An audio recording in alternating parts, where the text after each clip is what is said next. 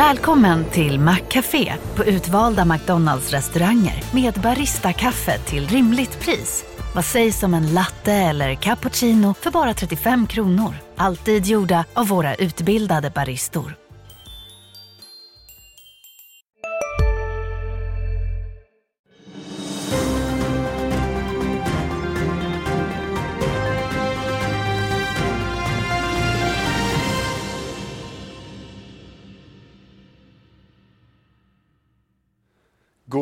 Morgon, det är måndag och ni ska vara varmt välkomna till veckans första Börsmorgon där vi börjar med att konstatera att USA-börserna föll tillbaka i fredags. Breda S&P 500 avslutade på minus 1,1% Totalt föll därmed USA-börserna med nära 3% som det blev årets hittills sämsta vecka. Svagt neråt nu här i natt även i Asien och terminen i Stockholm pekar på en svag, svag uppgång när handeln drar igång om en kvart. Och i dagens program ska vi uppmärksamma en stor insiderförsäljning i ett ganska hett bolag. Vi ska analysera hur stigande räntor nu på riktigt slår med börsen på olika sätt. Och så får vi som alltid på måndagar spännande aktietips, bland annat från dig Stefan Wård som är med oss, analyschef på Pareto. Då vet vi att det brukar bli en hel del teknologi, tillväxtbolag. Exakt. Ser fram emot det. Ulf Pettersson är med oss också Eh, på videolänk. Välkommen du också. Rätt sparsamt Ulf på nyhetsfronten den här måndagsmorgonen men en intressant notering som vi gör är att det ganska heta textilåtervinningsföretaget Renewcells VD Patrik Lundström har sålt hälften av sitt totala innehav i bolaget. Eh, försäljning på nära drygt 30 miljoner kronor. Det är ju en het aktie. Vi hade köpt på dem här 28 januari. Nu kommer den här insiderförsäljningen. Vad är dina tankar Ulf? Eh, generellt sett är det aldrig bra med en insiderförsäljning efter en rapport så här. Eh, eh aktien har ju backat en del eh, senaste dagarna. Eh, vi vet, vd förklarar ju den här försäljningen, och brukar vara liksom den gängse förklaringen att man behöver återbetala lån från tidigare affärer eller för att teckna, så att säga, att, att man har lånat för att teckna aktier i sitt eget bolag tidigare. Och nu ska man då återbetala de där lånen, men vi vet ju inte hur stora de lånen, om det är så att säga en nettoförsäljning eller om man bara säljer precis så mycket som man behöver återbetala i lån. Men, och, och det hade ju varit en intressant information, absolut, men eh, det vet vi inte, så vi vet inte liksom hur, hur finansiella situationen ser ut där. Men det, det är negativt. Jag har sett en del, tycker jag, en, en, lite mer av den karaktären här efter den här rapportperioden. De som sticker ut mest är väl kanske Hemnet där, eh, där både styrelse och ledning har sålt eh, eh, ganska rejält med aktier. Mm. Vad drar du från slutsatser av det? Generellt alltså, att, att vi har sett mer insiderförsäljningar? Ja, allting annat lika så är ju liksom, man säljer ju sällan aktier för att man tror att aktien ska gå upp snarare än att den ska gå ner. Så det är ju i vågskålarna, eh, tillhör den negativa vågskålen för en aktie tycker jag. Mm. Ja, eh, vi ska prata med dig Stefan. Rapportsäsongen är ju över. Eh, börsen handlades ganska kraftigt upp inför rapportsäsongen som alla vet och sen så nu är det ner lite efter det och man undrar ju vad som egentligen styr börsen nu. Är det makro eller vinster och så vidare. Vi ska prata lite om det här, sätta tänderna i börsläget egentligen. Till en början med, hur tyckte du rapporterna var om vi ska sammanfatta det? Ja, åt det svagare hållet i varje fall. Mm. Särskilt med utsikterna och så här. Så att man ser på vinstestimaten, vinstestimaten fortsätter att komma ner. Mm. Så det har det gjort egentligen under senaste halvåret skulle jag säga, ganska ordentligt. Så mm. Så den trenden fortsätter. Sen var det ju ingen katastrof och det fanns en del, man var lite orolig för en del stora techbolag att det skulle vara, vara värre och att det skulle kunna pressa marknaden och det infriades ju inte utan det var ju någon form av stabilitet men trenden är ju neråt skulle jag säga. Mm.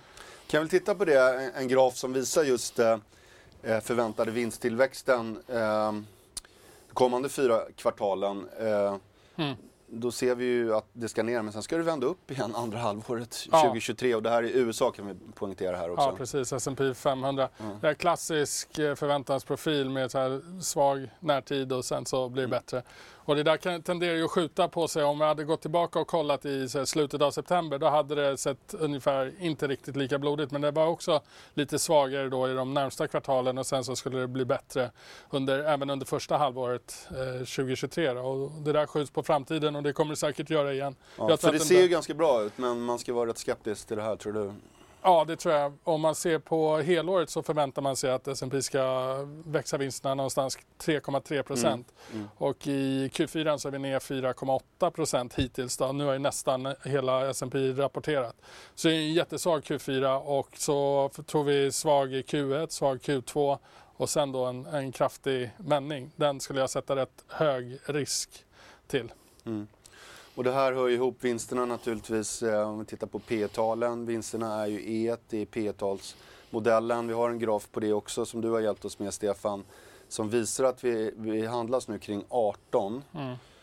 Drygt. Och det kan vi, drygt 18. Då kan vi titta då i ett historiskt perspektiv att det ligger över över snittet snitt. och, och, ganska hög multipel generellt skulle jag säga. Vad är det man jagar på 18? Liksom. Mm. Sen är ju det här S&P bara, det är beståndsdelarna, alla bolagen som är där och hur ser det ut på respektive bolagsnivå. Mm. är ju också intressant naturligtvis. Men om vi ska hålla oss till det aggregerade så tolkar jag det, vinsterna kanske är lite väl optimistiska antyder du och sen mm. så ett P-tal som är över snittet. Mm. Det ser inte jättebra ut. Nej, jag tycker det är en dålig setup ja. för året. Jag tror att det är risk eh, för ytterligare nedgraderingar på vinsterna. Mm. Och eh, det är sällan så här, oavsett om man tror på recession eller inte så kommer vi ha en svag ekonomi. Eh, och eh, brukar börsen eh, bottna ut kring 18? Liksom, nej, det mm. brukar vara ganska ordentligt mycket lägre multipel på det. Mm. Sen varje, varje utveckling är sin egen så det är möjligt att det är annorlunda den här gången. Men jag skulle bara säga att har man den värderingen och den här förväntansbilden på vinstutveckling så då har man, tagit, då har man ett rätt positivt scenario. Mm.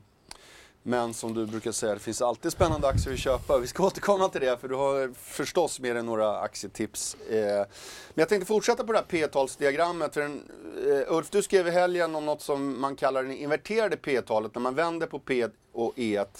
Eh, som man då, det är ganska intressant, man kan jämföra det med då ja, räntenivån och det är det här klassiska, ska man välja räntor och aktier och precis som du konstaterade i artikeln Ulf så har, har ju det varit självklart att välja aktier under många år men nu börjar räntorna och statsskuldsväxlar på riktigt eh, konkurrera. Du kan väl berätta, sammanfatta lite vad du skrev? Eh, ja, men det har att göra lite med det, eller för att haka i det Stefan säger där. Det, det här är då amerikanska eh, S&P 500 och eh, amerikanska eh, halvårsräntan. Eh, Statsskuldväxeln där. Eh, och eh, nu har vi då ett P tal på 18 och så att säga då, då, betalar man 18 gånger vinsten, det vill säga man får en avkastning på 5 om, om eh, bolaget har delat ut alla vinster och vinstförväntningarna blir som de ska det kommande året.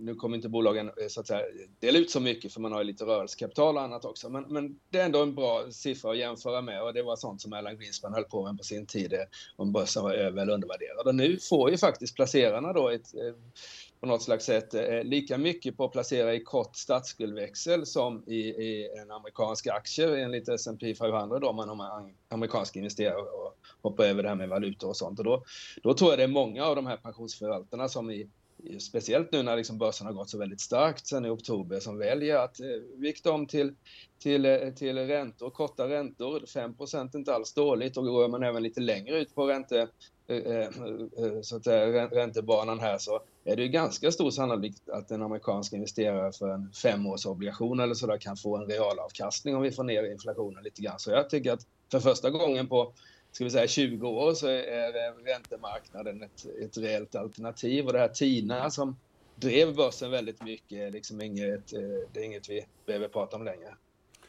Eh, det, detta om den amerikanska. I, Sverige ser ju inte riktigt likadant eh, ut. Där är ju fortfarande räntorna lite lägre och eh, det här inverterade P-tal som du skriver om. Där, är, där finns ju fortfarande en skillnad. Men du menar att är, är det här resonemanget applicerbart i Sverige, Sverige också, tror du? Ja, det är det ju absolut, även om vi inte har riktigt lika höga räntor som i USA. Men å andra sidan så kommer vi kanske höja då styrräntan upp mot 3,75 och då har vi en kortränta här också på 3,75-4 procent och då, då är man klart över vad, vad, inflationen har varit i ett långt perspektiv och då tror jag också att en del, en del eh, ska vi säga, absolut, jo, absolut avkastande ska vi säga, pensionsmyndigheter eller pensionsbolag som har som uppgift att slå, slå, eh, slå inflationen kan tänka sig lite mer räntor efter den här börsuppgången. Mm. Räntemarknaden kontra börsen, vad säger du? Nej, men jag håller med helt och hållet och det, det är ju så det ser ut, att den är ett ordentligt alternativ. Det är klart om du får 5% riskfritt mm. mot en earnings yield på 5 det, det, det är väldigt attraktivt. Mm. En annan graf som du har hjälpt oss med det är faktiskt den här som vi har pratat en hel del om. Eh, eh den här spreaden mellan en 10 och en 2-åring, den inverterade räntekurvan som vi ser här, eh, som brukar vara ett väldigt intressant tecken på hur konjunkturen ska gå. Berätta, vad, vad, är det vi ser här? Ja, vi ser att den är på lägsta nivå. Om man skulle ha gjort den där längre så är det lägsta nivå sedan början av 80-talet tror jag, om jag minns rätt. Eh, och det är ofta då en väldigt eh, stark signal på vilken typ av ekonomi vi ska gå in i och den här skulle ju signalera en kraftig recession. Och kollar man över hela räntekurvan så är ja, drygt 90 procent om jag minns rätt är inverterad nu. Mm. Så räntemarknaden säger, skickar en tydlig signal om vad den tror om ekonomin. Det, det, är otroligt. Man brukar ju säga att det är en skillnad. Räntemarknaden är lite mer krass, kanske lite mer klarsynt än aktiemarknaden. Säger mm. man ofta lite slentrianmässigt. Mm. Men eh, det är ju väldigt tydligt. På aktiemarknaden pratar man att det kommer bli en mjuklandning. Det är inte så säkert att vi går in i recension. Men räntemarknaden är ju här uppenbarligen väldigt tydlig i sin analys. Ja, verkligen. Och jag tror att det där håller på att ändra sig lite när man ser hur räntemarknaden är lite längre ut också och vad man prisar in för. Tidigare så har ju, har ju räntemarknaden eh, trott att Fed behöver vika ner sig och börja sänka räntor i slutet av det här året eller andra halvan. Och som det ser ut nu så är den eh, inprisningen ganska borta. Mm. Så då köper man lite mer att det kommer vara higher for longer som Fed har mm. uttryckt det. Så att om vi ska koka ner det här till någon slags sammanfattning hur börsen ska gå, då återigen då så låter det som att du är ganska skeptisk till, ja. till dagens värderingar? Ja, jag tror vi kommer att fortsätta ha den här uh, nedåttrenden med mm. uh, olika bear market rallies. Men jag tror att trenden fortsatt är, är neråt. Där, det är ju olika syn på det naturligtvis, men, mm. men jag tror inte vi är klara med, med nedstället ännu. Nej. Intressant. Eh, lite mer nyheter ändå på morgonen. Vi fick siffror precis alldeles nyss från hushållsutlåningen. Eh, ökade 3,2% i januari, ner från 3,5% i december och långt under den här, eh, de här 7 procenten som har legat på ganska konstant det senaste decenniet. Ulf Pettersson, någon reflektion över de siffrorna? Det är ju ännu en eh, signal om att konjunkturen är vikande, att folk eh, inte eh, vågar låna mer till konsumtion utan man väljer spara istället. Ehm, de som, de som lånar ut mer, de som lånar mer pengar nu, det är företagen som är upp 14 procent, men det har att göra med att att en hel del har så att säga lämnat obligationsmarknaden på fastighetssidan och gått till banksektorn. Det är det som gör att det är bra, bra fart där fortfarande. Men vad gäller hushållsutlåningen så är det, är det en väldigt svag siffra. Det är den svagaste siffran på 20 år egentligen. Så det, det, det är en tydlig konjunktursignal om att svensk, svensk eh, i alla fall hushållen är, är reellt mm, eh, eh, vad ska vi säga, försiktiga. Mm. Det är inget nytt, har pratat om mycket här i studion. Hushållsutlåningen, vad, vad är dina tankar kring det om du kopplar det till intressanta sektorer på börsen? Hushållsutlåningen till intressanta sektorer på börsen. Alltså hushållens eh, krisande ekonomi ja, just nu. Jag tror den är ganska... Vi har ju sett på konfidensindikatorer för hushållen så är extremt eh, bäsad och det är svårt att se att det ska vara genom direkt stöd till börsen. Konsumentfokuserade sektorer kommer ha det brutalt hårt i år, tror jag. Mm, mm. Uh. Precis. Eh, börsen öppnar snart. Vi har en termin som pekar på en uppgång på 0,2 procent trots alltså ganska svag utveckling i USA i fredags, även i fredags kväll, även ganska svagt i Asien i natt. Eh, hinner dra en kort nyhet, internationell nyhet till också. Det, det handlar om, eh, eh, kom in alldeles nyss här, eh, läkemedelsbolaget Pfizer som eh, Nej, vi hoppar det. Jag tappade bort den, jag ber om ursäkt. Klockan har slagit nio istället, börsen är öppen.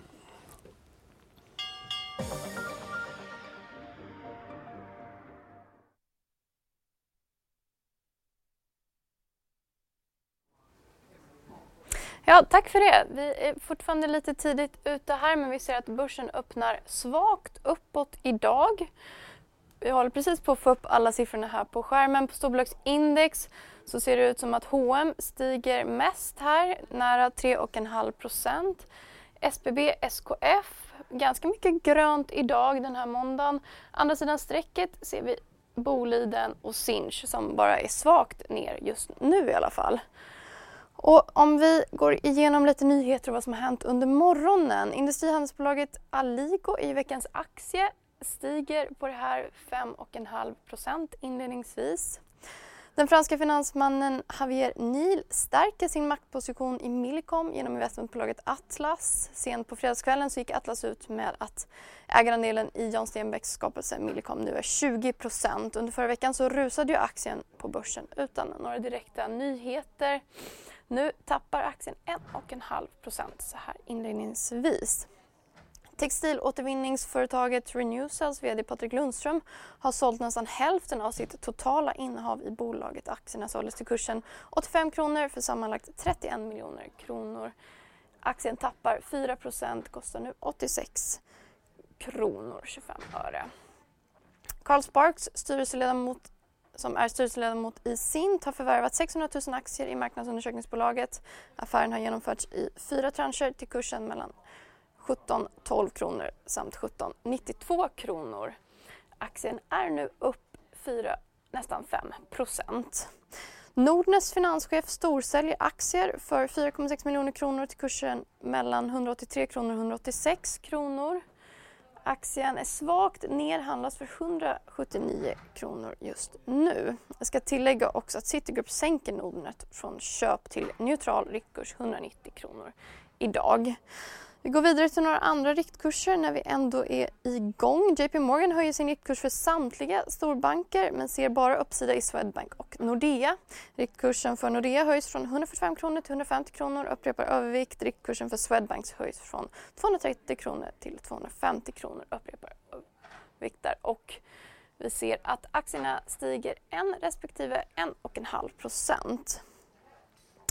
JP Morgan, DNB, Morgan Stanley, Carnegie och SEB höjer alla riktkursen för Alecta som, Elekta som ju rapporterade förra veckan. Aktien stiger ungefär 1 Vi hinner med några fler innan jag passar tillbaka över till studion där. Jeffries höjer riktkursen för Viaplay Group från 235 kronor till 250 kronor. Upprepar. Hej, Ulf Kristersson här. På många sätt är det en mörk tid vi lever i. Men nu tar vi ett stort steg för att göra Sverige till en tryggare och säkrare plats. Sverige är nu medlem i Nato. En för alla, alla för en. Vi är specialister på det vi gör, precis som du. Därför försäkrar vi på Swedea bara småföretag, som ditt. För oss är små företag alltid större än stora och vår företagsförsäkring anpassar sig helt efter firmans förutsättningar. Gå in på swedea.se företag och jämför själv. Behåll där och aktien är ner 1 Jeffries höjer kursen för Hemnet från 140 kronor till 150 kronor. Upprepar behåll. Aktien stiger 1% Men som sagt, det är en positiv grön öppning på Stockholmsbörsen idag som stiger ja, över en halv procent. Vi går tillbaka över till er i studion. Tack så hemskt mycket för den genomgången. Som sagt var börsen upp ungefär en halv procent. Vi såg en del intressanta rörelser i vissa bolag. Eh, någonting som du studsade på Ulf när det gäller kursreaktionerna? Lite bättre öppning än vad vi förväntade oss på vad terminen visade, men eh, den är i linje med, eh, med Europa här. Eh, alltså tyska indexet, är upp eh, lite mer än Stockholm faktiskt, 07-08. Eh, det är väl H&M som är upp eh, näst mest handlat, upp 3 Inte några nyheter vad jag har sett. Möjligtvis att det kan vara någon rekommendation ute som inte har kommit till medierna och som vi inte har sett än. Eller så är det att aktien faktiskt har backat. Det backade varenda dag förra veckan och det blir lite så att säga ja, en kortsiktig uppgång där. Men eh, den, den är upp, H&M upp eh, drygt 3 Såg Sint också alltså steg på en in insiderköp. Var det någonting som du slogs av när det gäller kursöppningarna här? Nej, lite positivt överraskad att vi är uppåt bara. Ja, ja. Det hade inte varit Och så ytterligare en köpanalys från en stor amerikansk bank på Viaplay. Vi har sett dem de senaste veckorna. De kommer med ganska brutala riktkurser. Alltså. Mm, mm. På, de, de verkar vara en het aktie i, i USA inte minst. Ja, eh. verkligen. Men eh, det är ett bra bolag med en bra ledning så att det mm. finns, finns mycket att göra. Intressant att notera. Jag ska ta den där nyheten som jag utlovade också innan. Eh, det handlar om det amerikanska läkemedelsbolaget Pfizer alltså som förhandlar om att förvärva bioteknikbolaget Sigen. En affär som är värd över 30 miljarder dollar. Det är Wall Street Journal som rapporterar om det. Vi såg också på kurslistan här vid öppningen att eh, Aligo eh, steg med drygt 5% Det var faktiskt veckan-aktie i tidningen här. Eh, Nordens största handlare av arbetskläder, verktyg eh, och annat. Börsvärde på drygt 5 miljarder. Eh, en sammanslagning av Swedol och Bergman och Bevings gamla Tools-verksamhet. Vi ser här, stor potential i billigt bygge. Ulf Pettersson, nu är det inte du som skrev analysen, men du kan väl ändå sammanfatta varför tror tidningen på bolaget? Eh, det är en, det är en fusion av de här eh, Nordstjärnan-bolagen som gjordes, eh, av de bägge industrihandelsbolagen och bytte namn till Ligo. Eh, de har gjort en del på marginalsidan, fått upp marginalen och framförallt så var det ju gamla Bergman och Beving som inte riktigt eh, levererade. Swedol har alltid varit lite bättre än, än Bergman och Beving. Men det här sammanslaget har fått ihop en, en del eh, synergieffekter och det finns mer att göra också. Och tittar man framförallt då det som Micke Wilenius, vår kollega, eh, gillar mest det är ju väl kanske värderingen som är 11, eh, P11 ungefär och det är billigast bland handelsbolagen, eh, industrihandelsbolagen och det är väldigt mycket billigare än vad börsen värderas till också. Så om man fortsätter den här eh, positiva marginalresan då genom, genom synergier och att sälja till lite med egna varumärken är ju en, en nyckel här också så, så, så kan det bli riktigt bra. Är det en tillväxtbransch eller måste de ta marknadsandelar eller en bransch som växer med konjunkturen ungefär detta? Jag tänker på eh. byggsektorn har ju lite problem nu. De verkar ha ett visst beroende av byggindustrin ändå. Ja, det är det ju. Eh, men de har en ganska bred verksamhet. Men bygg, bygg är ju en viktig del och den är inte så rolig just nu då. Även om det faktiskt är lite, är lite det, är inte, det är inte dåligt överallt i byggsektorn. Det är framförallt eh, bostadsutveckling som är rejält ner. Men tar vi anläggning och lite ska säga, tyngre byggen så, så är ju så att säga pekar ju trenden snarast uppåt där. Så, så det är lite blandat. Men det är ju, det är ju lite ett sänke då. Det är inte, det är inte någon tillväxtbransch så där. Det är ju inte någon ny sektor som... Men, men det finns fortfarande eh, strukturell ska vi säga, möjligheter att, att konsolidera mindre bolag, eh, möjligheter att konsolidera sig själva lite grann. Så det, det, går att hitta tillväxt även om den underliggande marknadstillväxten inte, inte är så mycket mer än BNP. Mm. Som sagt var, aktiens värdering 11 gånger fjolårets skuldjusterade resultat, det var väl det som framförallt då lockade tidningen Veckans Aktie, alltså Aligo. Köp på den. Eh, ska fortsätta prata lite börsen med dig Stefan, eh, som vi var inne på innan här öppning. P-tal 18 på hela börsen. Vi ser kanske en sämre konjunktur, räntemarknaden är väldigt pessimistisk. Vad vill man då ha för några typer av bolag frågar man sig. Eh, vi kan titta på lite aktiecase som, som ni har. Eh, jag vet, ja, berätta. Ja, men det är, jag skulle kolla en eh, faktor som man vill ha i hyfsat starka balansräkningar i varje fall så att eh, finansieringen är, är på plats och så vidare. Eh, sen så när det är press, eh, om det blir press på multiplar och, och så vidare så titta efter de här bolagen som har en underliggande stark eh, tillväxtstory framför sig. Mm. Och vi lyfter fram Hexatronic i, som ett eh, sådant eh, bolag. De kommer att ha ett riktigt bra 2023 som det ser ut. Vi har bra utveckling på orderboken. Den täcker in första halvan i varje fall. Sen så kommer ett par förvärv som man har gjort. Keynet i, i Sydkorea och Rochester Cable i USA som man är i ja, på väg att slutföra det förvärvet. Så Keynet konsoliderades i slutet av Q4, kommer in hela 2023. Rochester bör komma in från slutet av Q1.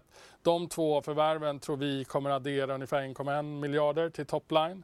Sen förväntar vi oss en organisk tillväxt eh, för eh, Hexatronic, alltså den organiska utvecklingen på drygt 30% Så totalt så kommer det här ta bolaget då från run rate på revenues vid utgången av, av Q4 var sju, lite drygt 7 miljarder. Vi tror man kommer en bra bit över 9 miljarder det här året.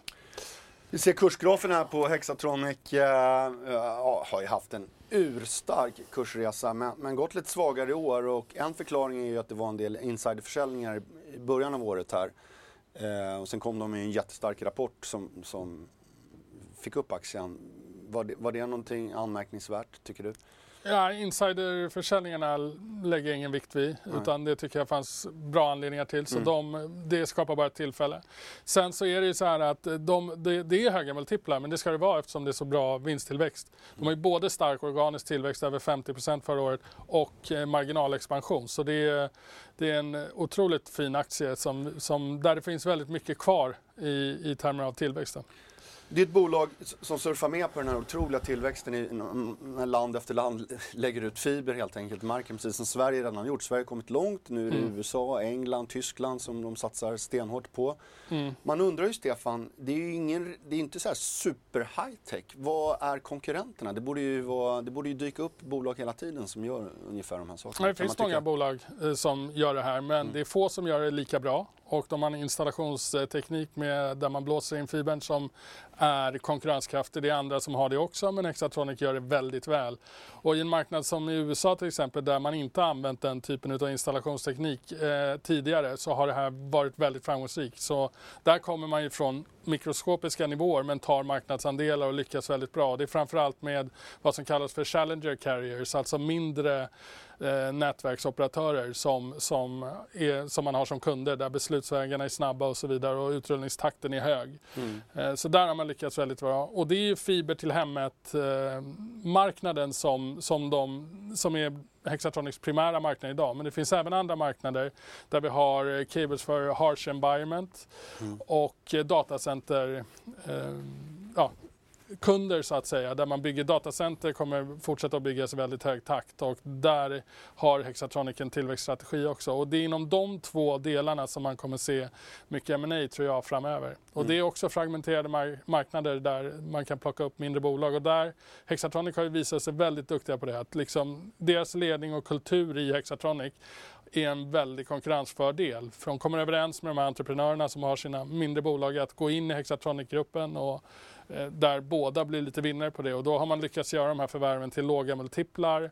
Man behåller nyckelpersoner och så vidare och det har varit ett, ett bra recept på den här framgångsresan. Mm. Superspännande. Ulf, jag tänker på det när det gäller Hexatronic, en populär aktie. Väldigt många av de här svenska fonderna har ju aktien, de som är inriktade på mindre bolag. Samtidigt har den ju varit ganska kortad den här. Det, det är också många som spekulerar att den inte ska gå så bra, Hexatronic. Eh, rätt tudelad syn verkar det som på det här bolaget. Vad säger du? Tudelningen handlar väl inte om att bolaget inte växer utan hur man ska värdera tillväxt helt enkelt. För det är ju ganska rejäla, rejäla eh, P-tal på det här. Men eh, hittills har ju då långinvesterarna vunnit över kortinvesterarna och det som, det som händer i ett bolag med mycket blankade aktier och bolaget är ganska litet, det blir att det kan bli ganska stökiga rörelser också när när de här blankarna ska köpa tillbaka sina aktier eller så att säga eh, when in trouble double öka på det där. Så det, det, är väl en faktor som på kort sikt påverkar, påverkar aktien mycket. Men det är, det är fantastiskt liksom för oss är inte, är inte fiber, fiber hem till hemmet. Det, hemmet det har ju vi haft i, i många, många år men i USA är det är det en väldigt växande marknad och det är, ju som, det, är det som gör att Hexatronic går så väldigt bra. Men det som jag tycker jag är imponerande det är att man håller i sin sin marginal också. Det är ganska ofta man ser tillväxtbolag som inte tjänar pengar, men här tjänar ju verkligen Hexatronic bra med pengar. Och det som, ska man prata mer om dem så är det ju intressant då att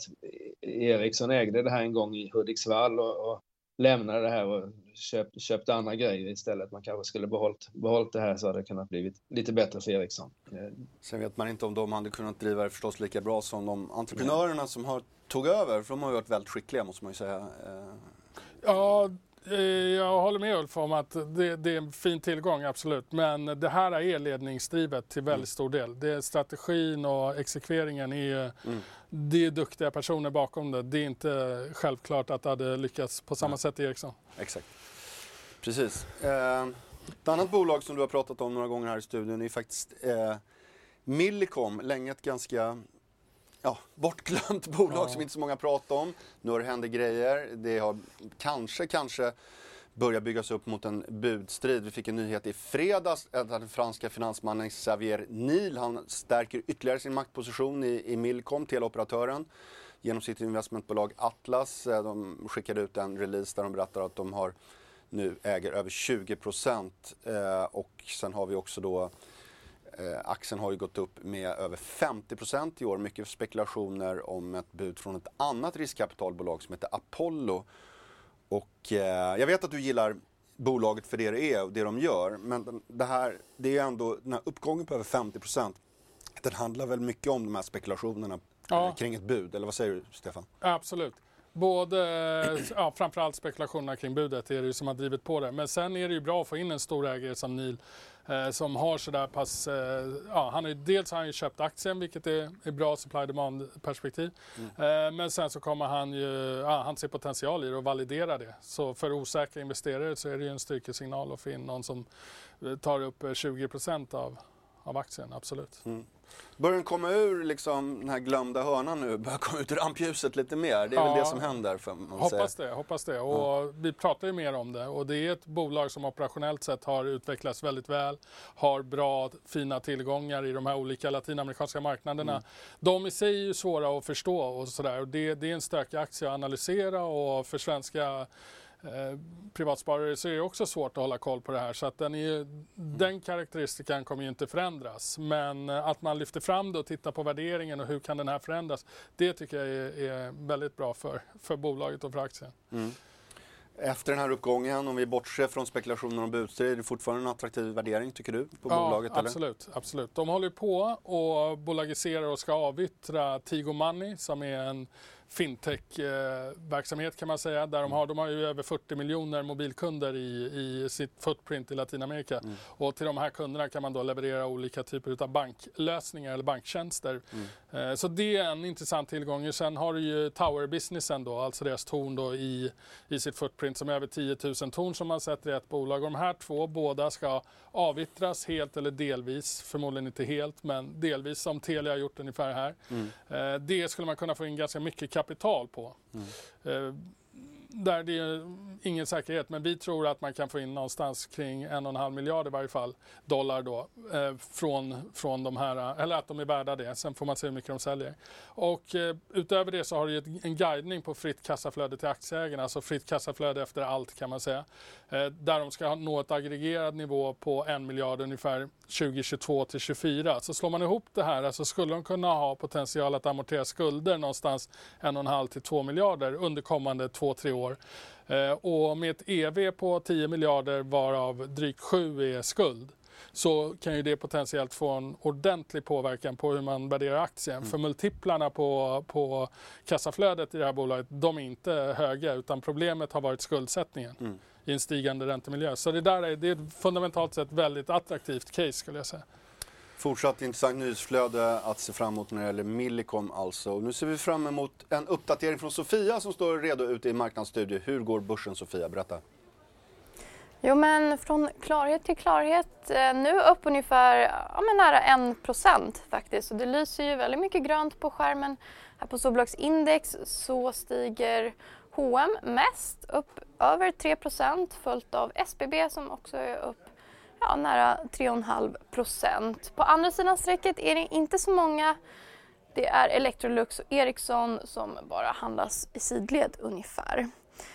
Industrihandelsbolaget Aligo alltså, veckans aktie, steg ju mer när börsen precis hade öppnat. Nu upp omkring 3% Som vi har pratat om tidigare, den franska finansmannen Javier Nil stärker sin maktposition i Millicom, då genom investmentbolaget Atlas. Aktien är ner 1,5% förra veckan så rusade ju aktien utan några direkta nyheter. Textilåtervinningsföretaget Renewcells VD Patrik Lundström har ju sålt nästan hälften av sitt totala innehav i bolaget. Aktierna såldes till kursen 85 kronor för sammanlagt 31 miljoner kronor. Aktien handlas ner nu 3,5 procent. Kostar nu 86,70 öre. Um, Carl Sparks, styrelseledamot i Sint, har förvärvat 600 000 aktier i marknadsundersökningsbolaget. Affären har genomförts i fyra olika trancher till kurser mellan 17,12 kronor samt 17,92 kronor. Och aktien handlas upp 7% ungefär 6,5% 7% kostar 17 kronor nu. Vi går igenom några riktkurser när vi ändå håller på. JP Morgan höjer sina riktkurser för samtliga storbanker men ser bara uppsida i Swedbank och Nordea. Aktierna stiger nästan, ja, ungefär 1,5 procent vardera. Elekta har fått höjd riktkurs från JP Morgan, DNB, Morgan Stanley, Carnegie och SEB. Elekta rapporterade ju positiv kvartalsrapport förra veckan stiger 1,5 procent. Jefferies höjer riktkursen för Viaplay Group från 235 kronor till 250 kronor, upprepar behåll. Aktien rör sig inte märkbart. Jefferies höjer riktkursen för Hemnet från 140 kronor till 150 kronor, upprepar behåll. Men som sagt, det är fortsatt grönt positiv start på den här veckan. Ja, verkligen. En mycket fin start. Upp eh, nästan en procent alltså. Och som vi såg där, eh, stora bankerna som är indextunga, det är de som drar upp index. Men också H&M faktiskt eh, upp 3 procent. Och man undrar ju, Ulf, vad det där handlar om. Har du någon förklaring?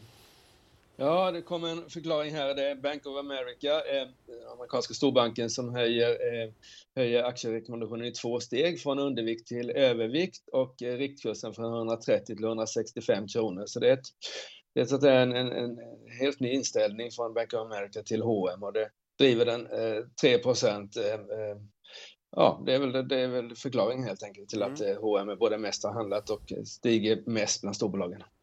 Tack för den förklaringen Ulf, Bank of America. Alltså Ulf, eh, har du handlat några aktier på bokrean så här långt? Inte alls tyvärr, men eh, det kanske jag ska göra. Vad tänkte du på då?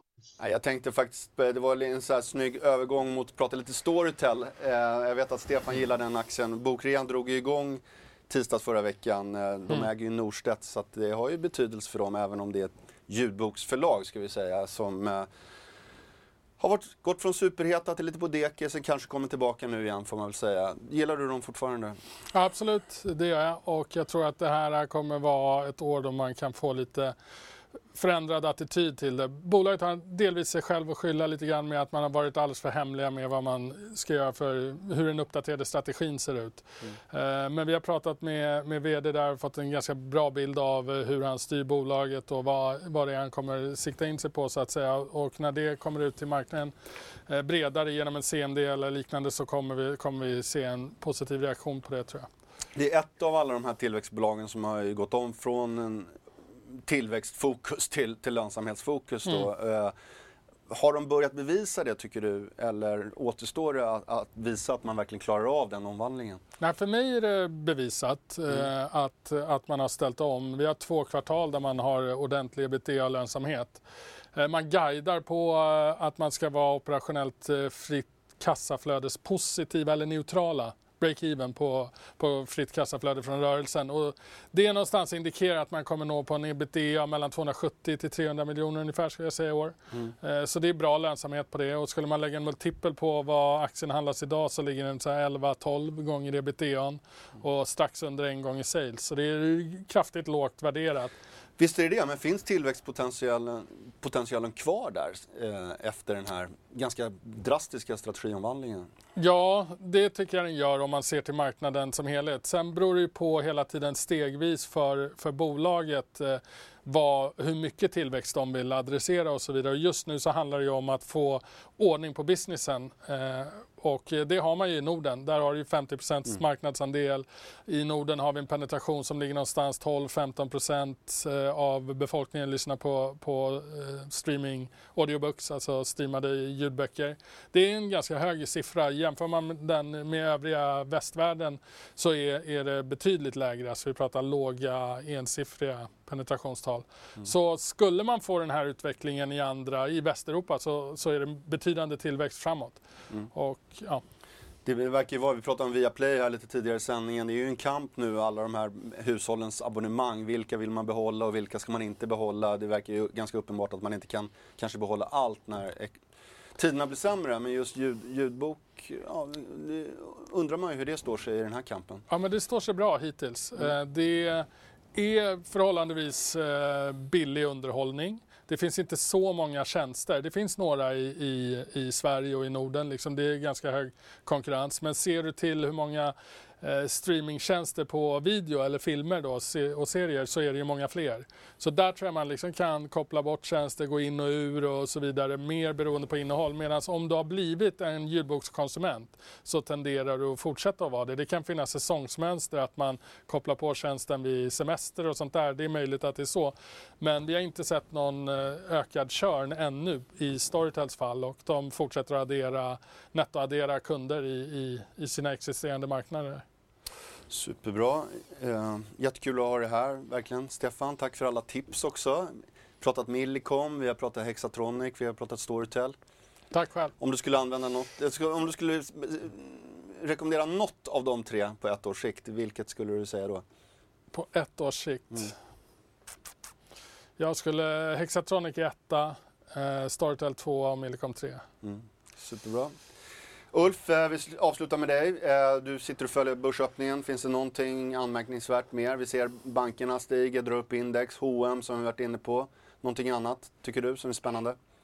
Nej, utan det är ju faktiskt att eh, allt är upp egentligen utom eh, Telia egentligen. Eh, och det, så att säga, så det är lite...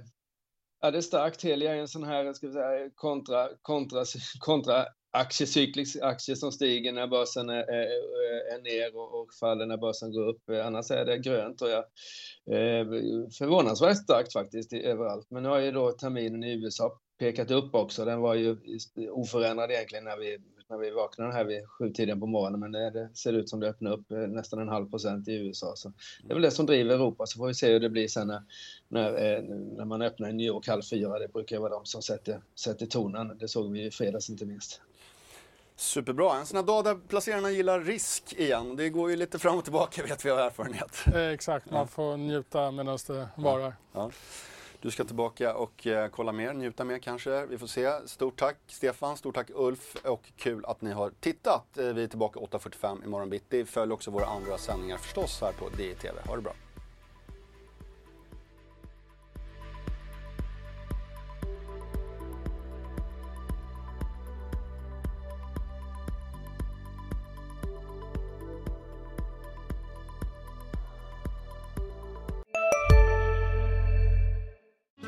Hej, Susanne Axel här. När du gör som jag och listar dig på en av Krys vårdcentraler får du en fast läkarkontakt som kan din sjukdomshistoria. Du får träffa erfarna specialister, tillgång till lättakuten och så kan du chatta med vårdpersonalen. Så gör ditt viktigaste val idag, lista dig hos Kry. Kurrar i magen och du behöver få i dig något snabbt? Då har vi en Donken deal för dig. En chicken burger med McFeast-sås och krispig sallad för bara 15 spänn. Varmt välkommen till McDonalds.